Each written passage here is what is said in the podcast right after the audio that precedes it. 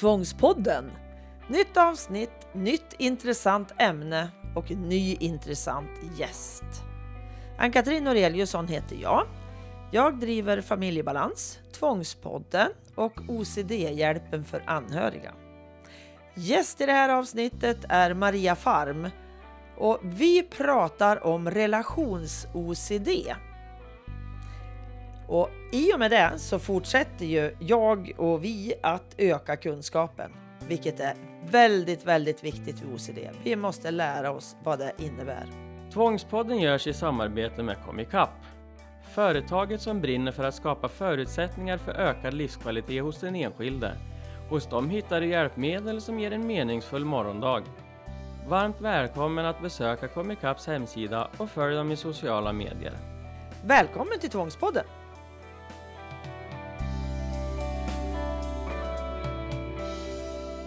Välkommen till Tvångspodden Maria!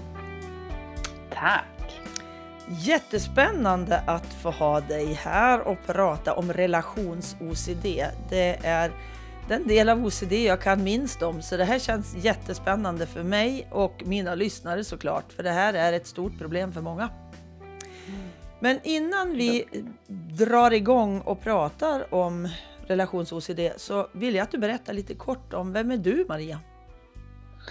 Ja, vem är jag? Jag är psykolog och psykoterapeut, numera också KBT-inriktad sådan. Och jag har märkligt nog jobbat i snart 20 år.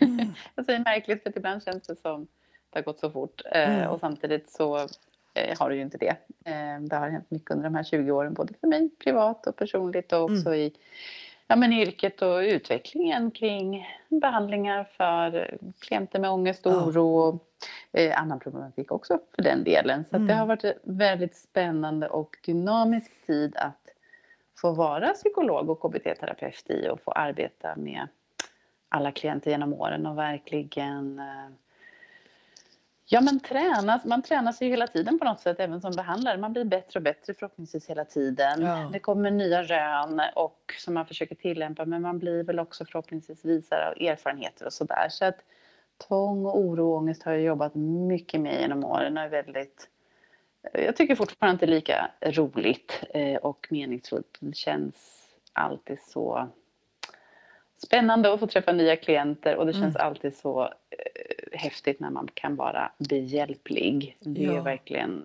det bästa jag vet tror jag. Ja, jag förstår det. För det är ju är fantastiskt det. att få mm. ge människor möjlighet till en bättre vardag. Mm, verkligen. För det kan bli ett värdigt liv mm. av, när man får hjälp med de här svårigheterna. Mm, mm. Ja, Precis. Mm. Så är det.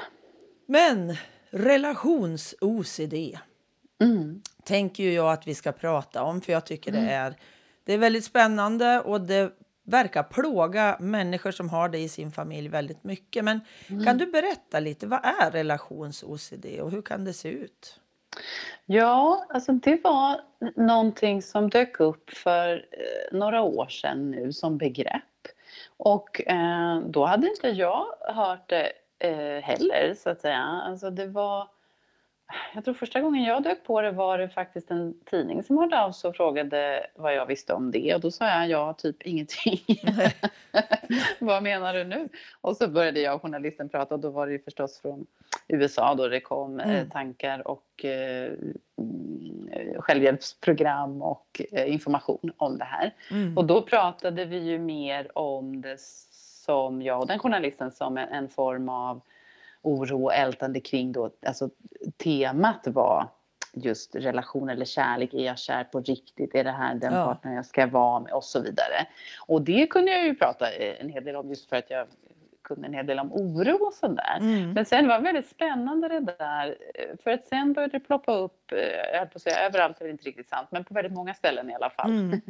Faktiskt i media och um, förstås också i, eh, framförallt då för mig märkbart, i klienters berättelser som hörde av sig. Mm. Och jag började prata mer om det där, jag var föreläste om det eh, för några år sedan eh, hos det förbundet i Göteborg och ja, alltså det, och sen tycker jag att det hör av sig någon var och varannan vecka nästan till mig angående det här temat. Så det är Mm. intressant att någonting som får ett namn också gör att människor kan känna igen sig i Mm. det. Och det gör ju att vi kliniker då, som jag säger, alltså behandlare eh, av olika slag, måste slipa våra verktyg lite och förstå det här. Och jag ska väl säga att det är framförallt av klienterna jag lär mig. Och sen har jag ju mina tidigare verktyg och vi snickrar ihop en låda tillsammans nästan som, Mm. eh, eh, som bygger mycket på tvång, OCD, tankar och teorier från Eh, från den boxen så att säga i Mm. ångestspektrat. Men där det är tydligt, alltså temat är verkligen eh, relationer, vad är kärlek, hur ska det kännas? Mm. Hur vet man när det är sant eller på riktigt till exempel? Och sen så massa yttre beteenden kopplade till det här. Och det är det som är det största temat, det tyngsta temat. Det påverkar relationer väldigt negativt. Det kan också vara så att man gör slut fast Mm. man, och så inser man sen att eh, man ångrar sig och det var ett fel, felaktigt beslut och eh, får jättehög ångest över det och sådär. Mm. Och sen så att, ja, och vi ska ju prata mer om det här nu. Eh, Men, Mm. men jag tänker att jag personligen har ju faktiskt också tänkt att, för det är ju inte som en klinisk diagnos än, alltså det vill säga hittar du en sån här eh, manual för eh, psykiatriska diagnoser, eh, DSM-5 till exempel, som vi psykologer och terapeuter kan använda, ibland, då finns den inte där. Nej, så det är ju ett Precis. sätt eh, att benämna ett fenomen som dyker upp. Det kanske i en framtid kommer att göra det, det vet vi ju inte. Men eh, det är väl lite, jag tänker också för ett antal år sedan så kom det här högkänslig. Precis. Eh, highly sensitive person, HSP. Och det var ju också något som väldigt många kände igen sig i Mm. och kunde relatera till. Och då finns det ju, kan det ju finnas en, en användbarhet i det verkligen. Mm. Ehm, så att, eh, ja, sådana här områden det utvecklas ju hela tiden. Och jag tror ju personligen att eh, relations-OCD eh, har ju också uppstått ur en jordmån av vår eh, Tinderkultur, datingappar, eh, sociala medier. Jag tror faktiskt inte att relations-OCD hade liksom kunnat poppa som begrepp och som fenomen heller om vi inte hade de här eh, sakerna. För det, det är liksom på något sätt kombinationen av att det finns, eh, förstå mig rätt, så många och så mycket att välja på. Mm. Mm. Och att, dating, att dejta har blivit lite som att gå på en anställningsintervju. Ja, Så många precis. klienter beskriver det faktiskt för mig. Eh, höga krav på att man ska prestera och vara på ett visst sätt och man ska bedöma andra snabbt. Men man inser att man också själv blir bedömd snabbt. Mm. Jag tror ju personligen liksom att det, eh, den kombinationen med en kanske lite orolig lagd personlighet Mm, mm. eller vissa tvångsmässiga tendenser. Det blir ett lite olyckligt eh, giftermål i brist på ord. av, eh, De två sidorna ihop Ja, så att säga. precis. Det har jag inte Och så- tänkt på. Men alltså det var ju jätte, jätteintressant. Ja, jag, jag tror ju att det hänger ihop alltså. Mm, mm. Faktiskt. Ja, men det är jättemycket som har kommit med de här sociala medierna, den här exponeringen och hur vackra vi ska vara och hur perfekta och hur vi allt som... Ja, Mm, Man visar ju mm. mest bara det som är alldeles fantastiskt. Mm, Och så kan just man ju det. snygga till sig dessutom i en massa Mm, appar också.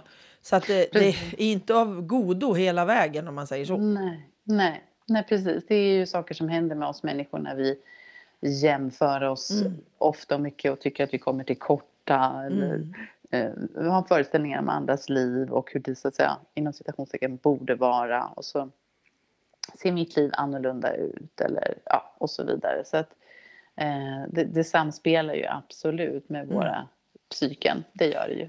Men hur kan det se ut då? Om, om man skulle ta något avskiffrat eller vad heter det, avkodat fall. Ja, ja. Bara liksom gör en blandning av vad Mm. möter du för sort? Alltså hur kan det se ut hemma hos någon som där en av parterna har relations-OCD? Mm. Ja, det är en bra fråga. Ehm, och jag tycker att en väldigt typisk eh, klient med, med den eh, problematiken eller som hör av sig till mig är eh, att de eh, är i en relation eller har... Den kan ha pågått ett tag, men det är lite vanligare kanske att den är relativt ny. Sådär. Mm, Man har mm. dejtat ett tag, det börjar bli mer allvar och sådär. Och då så får personen i fråga mycket ångest och oro triggat av, av det här att det också håller på att bli mer allvar. Så att, säga, att man kanske ska flytta ihop, eller det har i alla fall kommit upp prat om det. Mm. Eller, och är man, bor man ihop så kan det vara prat om att få barn.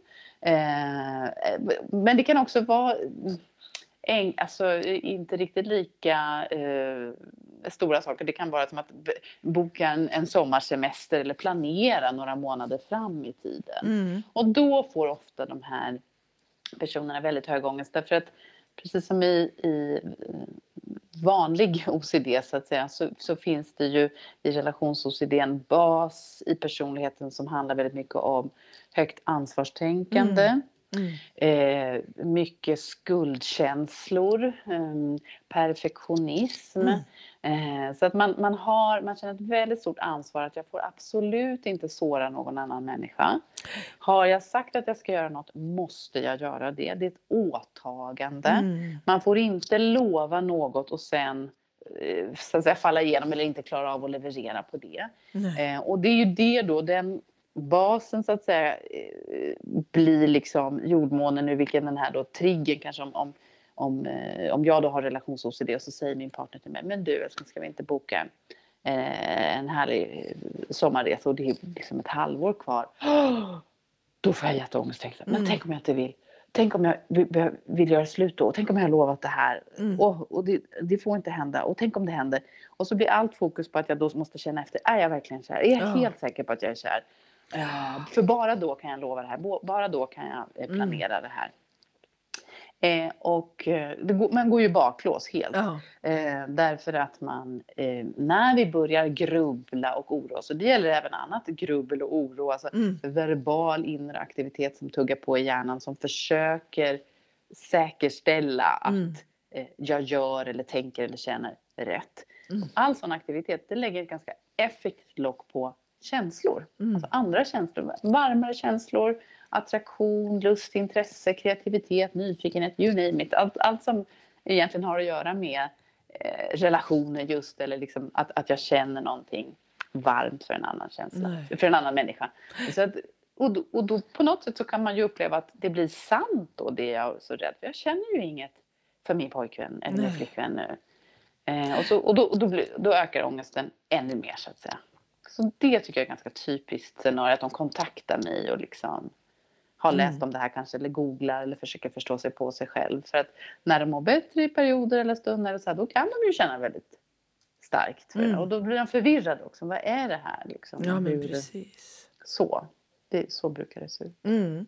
Jag tänker, är det alltid den som har relations som hör av sig eller är det även anhöriga som hör av sig till dig att vad ska jag göra? Nej, vad intressant att du ställer den frågan. Jag skulle spontant svara att det är den som har det som hör av sig.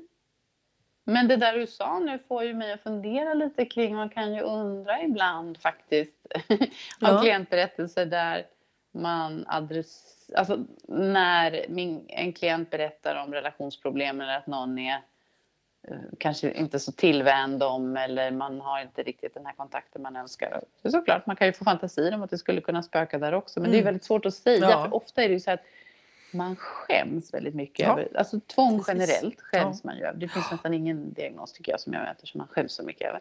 Nej, och eh, det är ju jättesvårt liksom att berätta för sin partner att jag går här och funderar halva tiden på, du kanske inte alls är den jag ska bo eller leva med mm. eller jag vet inte ens om jag känner något för dig. Alltså det är ju jättesvårt att säga för många. Mm. Så att... Absolut.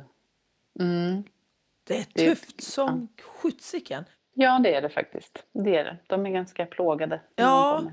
Och jag tänker också det här, jag då som har barn som har OCD, inte då relations-OCD utan OCD i mm. massa andra olika konstellationer. Men alltså, jag kan ju aldrig göra mig av med mitt barn och det vill man ju ytterligt sällan också. Men min mm. partner, där har jag ju inte mm. samma bindning som till mitt barn. Nej. Så där är det ju friare mm. liksom i, i sammansättningen också om man säger. Mm. Ja, visst. Så det, det gör ju också att det blir tufft eller tuffare. Ja, precis, och det där är faktiskt en ganska bra eh, jämförelse att göra. Ibland kan man ju man behöver leka lite med metaforer eller jämförelser mm. eller liksom för att vad ska man säga, checka ut lite från det tvångsmässiga tänket ett tag och bara att fråga någon just hur, um, även om många av mina klienter inte har barn, men de har ju föräldrar eller de kan ha syskon, alltså så här att hur, eh, ja, jag grälade med syrran här om helgen liksom, det var jobbigt, okej. Okay. Eh, älskar du din syster? Ja, ja, ja, men hur vet du det om du grälade med henne? Du känner ja. negativa känslor. Precis. ja, men det är, så, det är ju så det är liksom, ja. det går upp och ner. Ja så kan det vara även i kärleksrelationer så att säga. Att jag ja. har haft ett gräl med min man eller min fru eller min sambo och min partner. Och ja, det, det innebär inte att eh, jag omedelbart slutar älska personen eller så. Men just där och då om du sticker fram en mikrofon till mig och intervjuar mig så säger jag kanske fy fan nu är jag så jävla trött på honom. Ja men precis. men precis. Jag, det är inte ett kvitto på hur hela relationen är. Så. Så det där kan man ju, det, det handlar ju också i alla fall till viss del i behandlingen handlar ju om att också granska föreställningar om romantisk mm. kärlek. Mm. Det, det, kan man ju också ha lite skeva sådana när man mm. har relations-OCD. Det vill säga, eh, kärlek ska alltid kännas på ett visst sätt. Mm. Är man förälskad känner man sig alltid förälskad. Mm. Eh, ja. eh, nej men precis, Jag förstår så, precis. Så ser det ju inte ut i verkligheten. Så, att, men, och så det där kan man behöva prata om. Och ja. om jag har en föreställning att varje gång jag tittar på min kille så ska jag känna, åh, oh, han är så fin och bra och jag vill ha honom och vad kär jag är. Och så har man som ett, jag brukar prata om ett strålkastarljus, ett sökarljus som man riktar inåt i sitt inre och så mm. letar man efter känslor och tankar. Mm. Så. så kanske det inte kommer några just då. Oh, och då blir jag jätterädd. Det blir en trigger för någon som har relations-OCD att börja liksom leta ännu mer. Och det här måste stå för något och det betyder något. Mm. Eh, och så känner jag ju mindre och mindre, verkligen. Precis. Kan det vara så att jag hela tiden jämför också med andra? Alltså, vi säger att jag då med min man att jag skulle mm. jämföra med honom med en han som jag var med innan. Han var ju liksom yeah. snyggare eller han var trevligare eller liksom är ja och så fram och tillbaka så där. Är det, mm. Kan det vara så också eller? Det skulle jag säga, vill jag säga är ett jättevanligt tema eh, och det är bra att du tar det upp. Det är vanligt att jämföra med tidigare mm. Eh, som man har haft och, och, hur man vill minnas att man kände då. Eller, eller också en föreställning om att det kommer aldrig kunna bli så bra som det var med honom eller henne. Nej. Eller det var speciellt och sådär. Och så kommer personen till korta. Eh, det kan också vara med så att säga, helt främmande personer. Att man, kan, man kan ha både så här uh, undvikande beteenden, alltså att jag inte aktivt undviker att till exempel titta på andra män eller mm. kvinnor eh, en viss ålder eller ja, så. För att eh, det är så laddat om det skulle väcka en känsla mm. av intresse eller lust eller nyfikenhet, då måste det stå för någonting. ja, precis. Då så tror då, jag på den liksom. Just det, precis. Den är då, sann. Då, den är sann och det betyder och det kan den ju vara naturligtvis, men, ja. men, vad betyder den? Så att säga, betyder det att jag måste göra slut med min pojkvän eller flickvän? Eller kan man, eh, kan man få ha en, en, eh, kan man vara attraherad till en person en kort stund och sen så försvinner det mm. och fortfarande vilja vara kvar i sin relation och så. Mm. Det, så, så, det är ju sådana där tankar man kan behöva diskutera. Men man kan alltså ha kraftigt undvikande kring att överhuvudtaget titta på andra. Mm. Och så, så kan det vara åt andra hållet fast eh, syftet är detsamma. Man kan vara väldigt jämförande med andra personer. Jag måste i det här mötesrummet nu med mina kollegor eller vad man nu kan vara någonstans. Då måste det vara så att det får inte finnas någon annan man här inne som jag tycker ser bättre ut eller verkar mer intressant än min man. För att om det gör det, då måste det stå för någonting ja, att jag känner exakt. något. Så att det kan vara tvärtom, att man verkligen oh. uppsöker och tittar och tittar på folk på nätet. Granskar. Eller, oh. Precis, och känner efter, känner jag lust nu? Vad är jag mm. intresserad av? Det måste stå för något. Så att, men, men båda de här är ju egentligen så att säga, undvikanden eller mm. säkerhetsbeteenden som vidmakthåller ångesten och oron. Då. Så det behöver man jobba med. Ja, alla tankar verkar bli fakta. Det var väl jätteklokt summerat. Precis så är det ju för en person med tvång. Mm. Att de är fakta och de är eh, viktiga. Liksom. Mm. De är mm jag, jag, måste lyda dem. Jag kan inte bortse från någonting sånt för det är inte, då blir det fel kanske eller ja, inte vet jag, ångest Precis. och massa. Det, det är så, om man har ganska mm. rigida regler kring mm, hur livet mm. ska levas och hur det ska kännas. Och, Så att en viktig del av behandlingen är ju ja, dels att informera om det här och prata om tankar som jag brukar prata om tankar lite som, som eh, tåg som kommer in på en stor centralstation i en större stad. Att vi har ju eh, här i Stockholm, eh, där jag bor, bor jag nere på centralstationen här så finns det en enorm tavla med ankommande och avgående mm. tåg. Och det är ju massor varje dag och en del kommer ju in nästan samtidigt så att säga. Mm. Mm. Så det är en omöjlighet att hoppa på alla de här tågen. Eh, jag måste liksom välja något av dem. Jag kliver på här så får vi se om det här verkar gå till Gladköping. Det tar jag nu. Dit vill jag. Ja. så får jag liksom släppa de andra avgångarna. Så att de är, vi har en mängd tankar och impulser och, och föreställningar som ankommer vår hjärna och avgår vår hjärna hela tiden. Mm. Det är mm. elektriska impulser i min hjärna bara. Jag kan välja vilka tankar jag engagerar mig i. Mm. Eh, jag har det valet, men det är ett väldigt stort arbete för en person med OCD oh. eller relations-OCD att göra. Så det måste man jobba ganska mycket på. Att liksom, oh. det fokus, rikta det fokuset mot tankarna man vill förstärka och bry sig om och fokusera bort från tvångstankarna och oron. Jag skulle säga att det nästan är den största delen av behandlingen, att träna sig i det. Mm. Hur går det till? Ja, man kan göra på olika sätt. Och eh, ett sätt är ju eh, att eh, rent, nästan, jag brukar prata om det som en muskel i hjärnan, som om jag går på gymmet liksom för att jag vill bli starkare i ryggen ja. eller armarna eller vad det nu är. Eh, på, på, precis samma sätt så behöver vi faktiskt träna vår hjärna i vissa färdigheter. Eh, och det här att skifta fokus, att rikta uppmärksamheten dit jag vill rikta den och inte bara dit den springer av sig själv, om jag säger så. Det är verkligen att träna mm, eh, mm. hjärnan. Så att, eh, jag har en, en ljudfil faktiskt som mina klienter får eh, som är en eh, uppmärksamhetsträning där man ombeds skifta mellan olika ljud.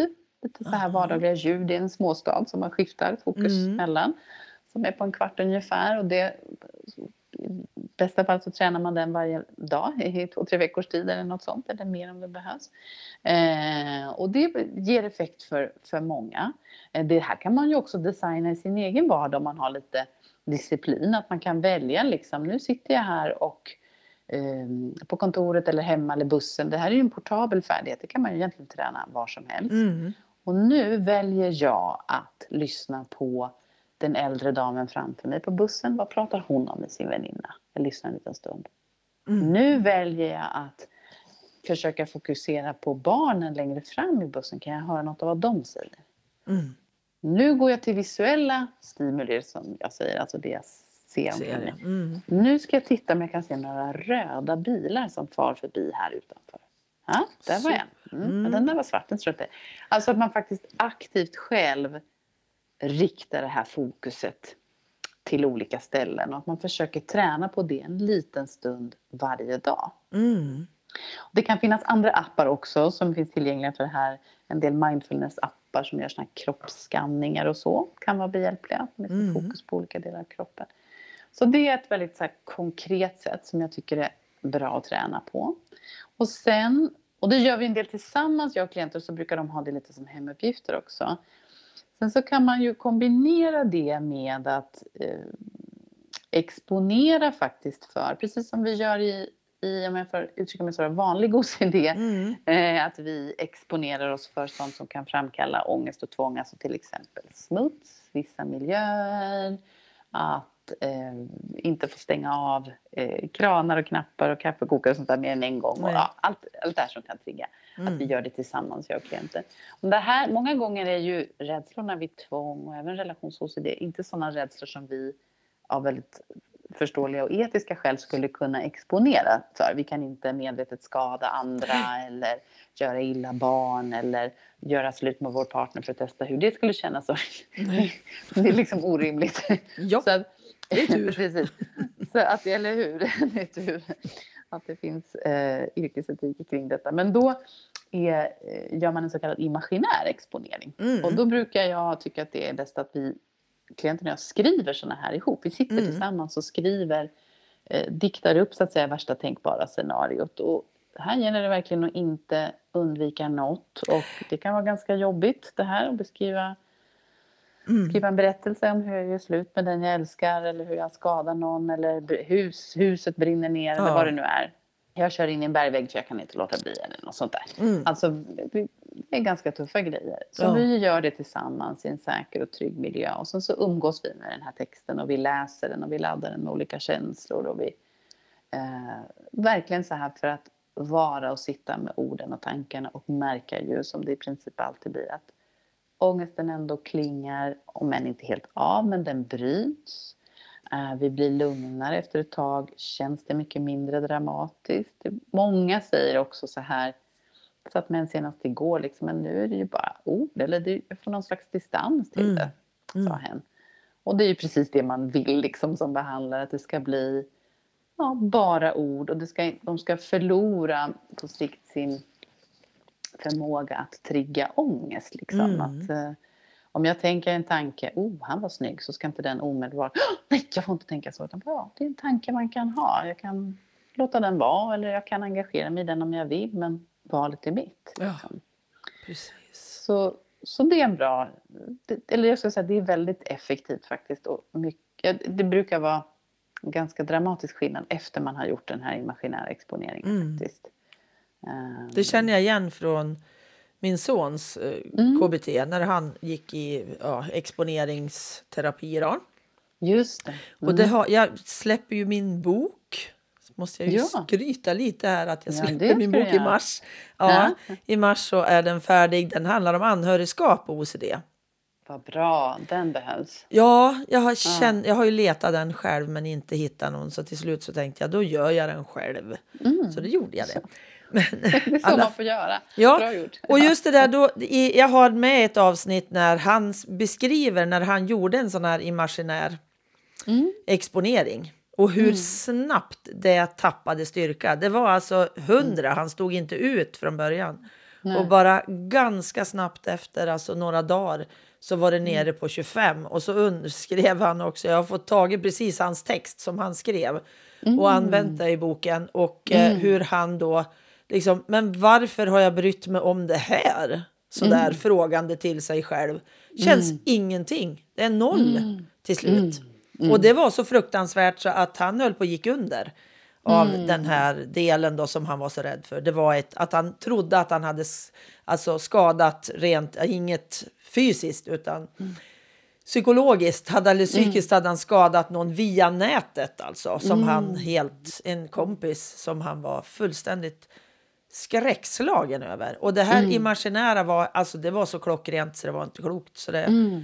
det är ju en mm. fantastisk möjlighet att få mm. jobba med sina rädslor. Ja men det är det verkligen. Och roligt, eller ja, i brist på bättre ord, roligt mm. eller fint att höra att det funkade så bra för honom. För mm.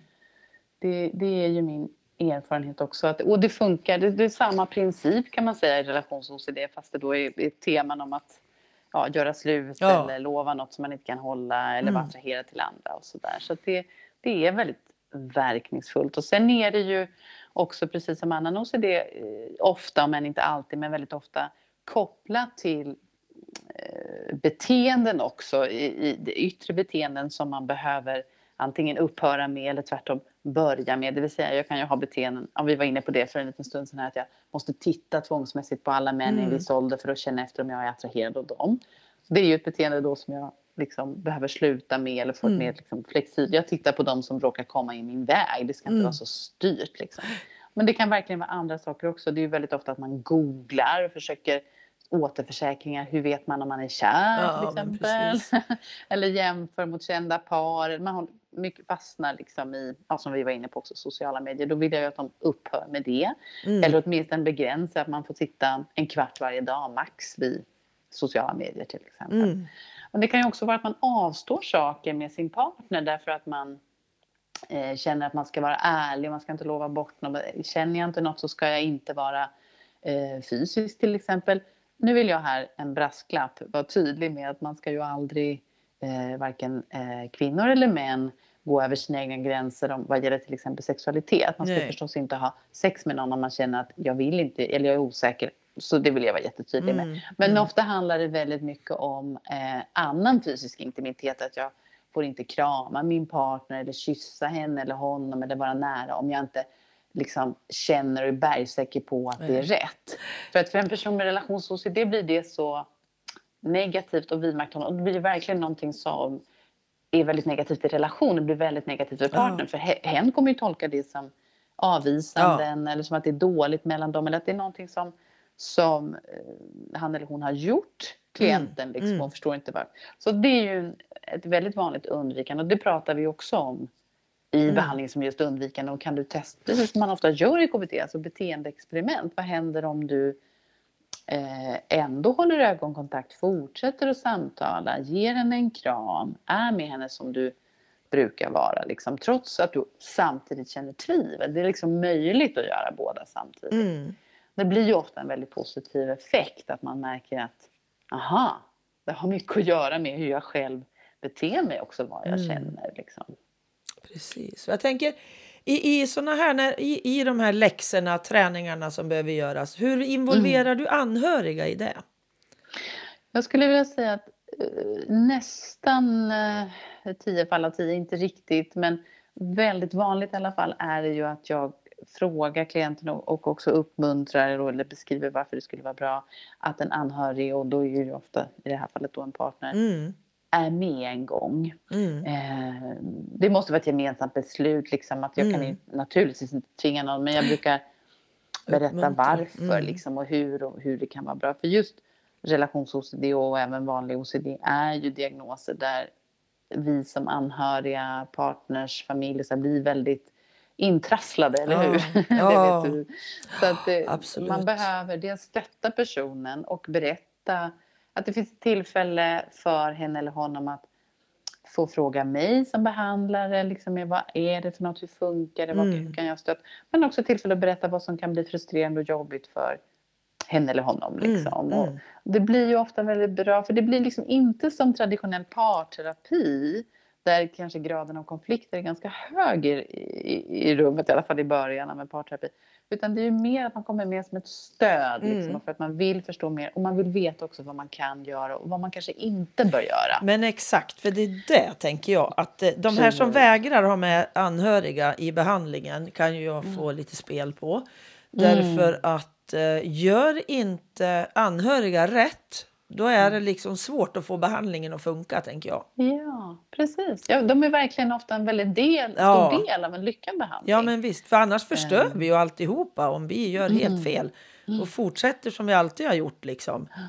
Och det är lite så här, vad ska man säga, OCD och relations-OCD är ju för, förstå mig rätt nu, men för gemene man är det ju lite obegripligt. Alltså det, är Ja. liksom lite, det är lite kontraintuitivt det här att man, för vi, står vi någon nära och vill eh, henne eller honom väl eller Absolut. är kära och så här, då, då, då vill vi ju stötta och trösta. Ja. Vi vill ju säga då, nej men det är okej, spisen är av eller det är ingen fara Nej, men eller, nej, men precis. du behöver inte känna så eller nu vi tar en sak i taget. Alltså att man, man försöker vara det där plåstret lite då. Mm. Man säger. Det är ju bara det att en del av tvångsbehandling handlar om att inte vara det här. Precis. Utan personen i fråga själv behöver stå ut med att Ja. nu när jag får den här ångesten så måste den få klinga ut av sig själv. Jag ska försöka bortse ifrån den, jag ska fortsätta med det jag gör. Mm. Jag ska inte be om återförsäkring eller börja undvika att ha mig. Nej. Så att, och det där kan man ju behöva vet, få information om som Ja. anhörig. För annars är det, det kan man liksom inte räkna ut själv. Nej, man kan verkligen Det inte det. går utan- inte, det måste Nej. man lära sig. Det är liksom ren faktakunskap som man Precis. måste insupa. Ja, Att, att förstå hela mekanismen i det.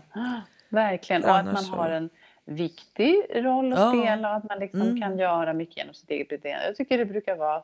Jag sa ju tidigare att jag märker en stor skillnad efter vi har gjort imaginär exponering. Men jag skulle vilja säga att den andra stora skillnaden kommer efter den anhöriga har varit med. Ja. Alltså det är också så här att det är som fem sessioner igen på något sätt. Det Ja. händer jättemycket.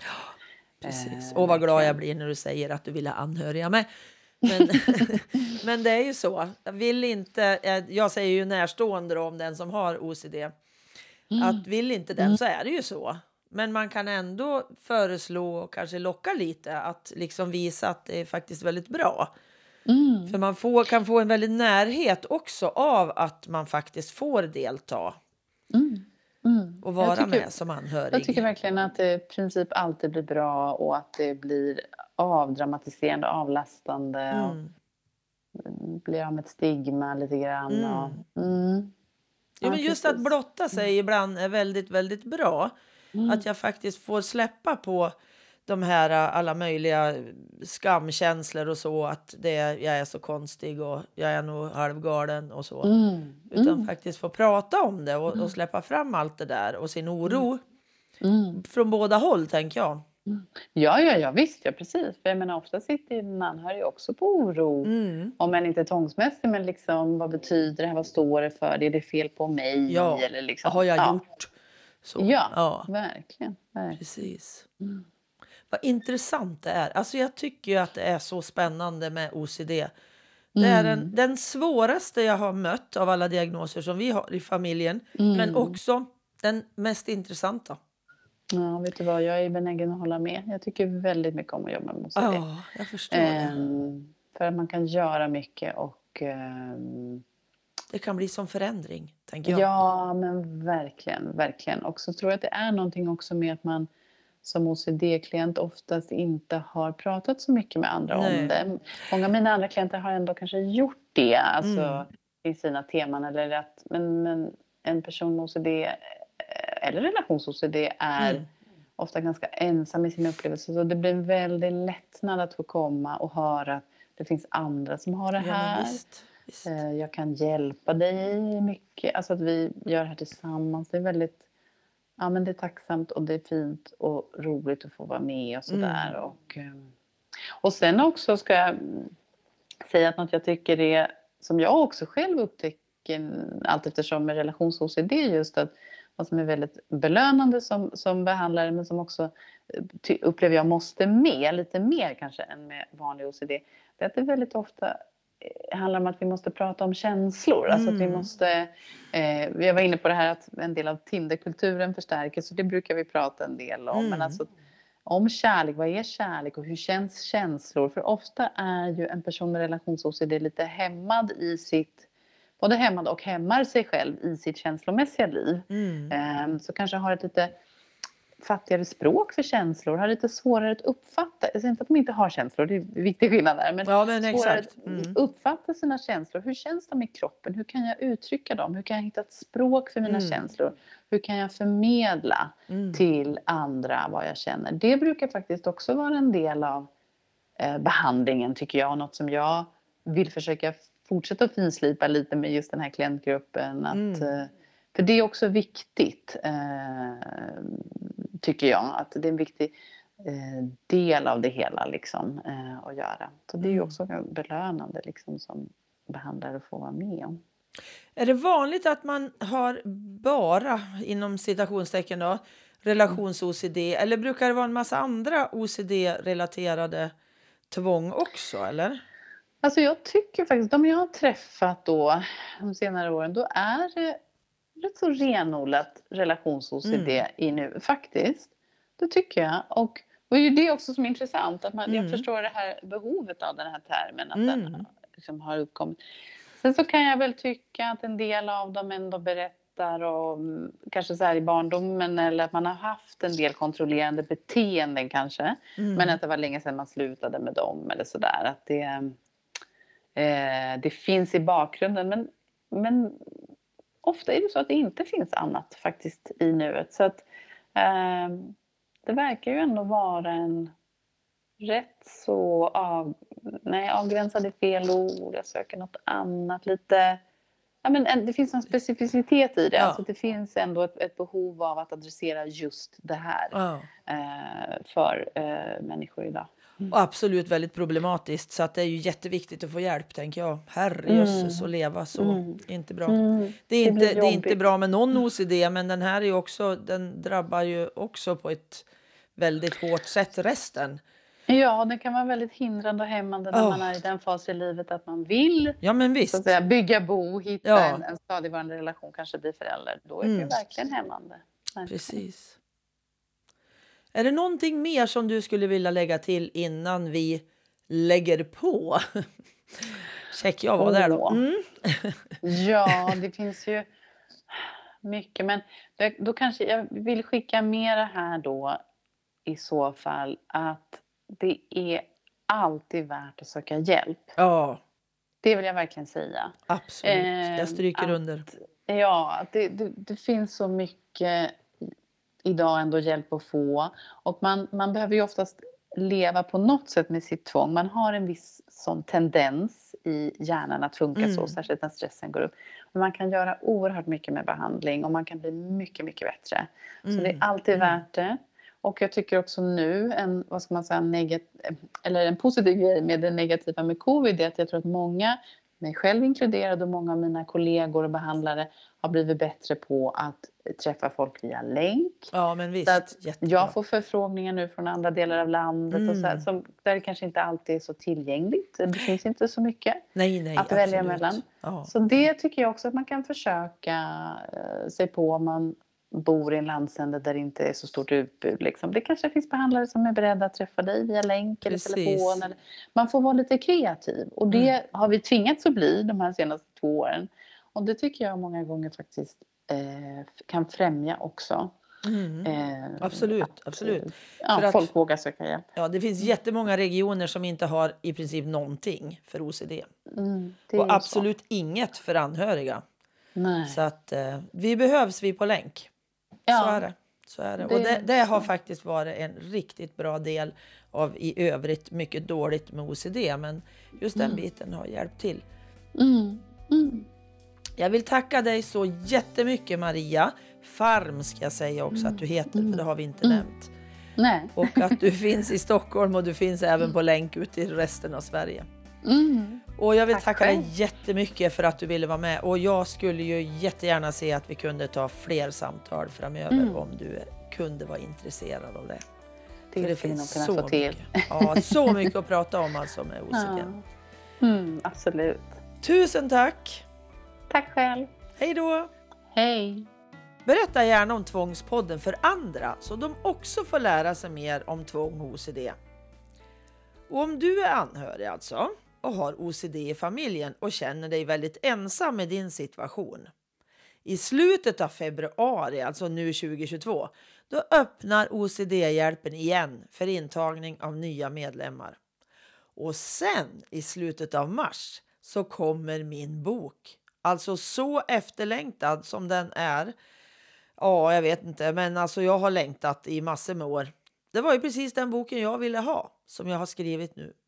Och den heter Tvång, en guide för dig som anhörig. Och vill du ha information om boken eller OCD-hjälpen eller så, då ska du gå till familjebalans.se. Där lämnar du namn och mejladress så kommer mina information och kunskapsmejl till dig. Och då kommer du även att få utskick när det kommer ett nytt poddavsnitt och sådär. Och där också kommer du att få information om OCD-hjälpen för anhöriga. Tack Anders för redigeringen, Petra Berggren för fotograferingen, Pelle Zetterberg för musiken och tack så mycket till Comicap för samarbetet. Hej då! Hoppas vi hörs igen.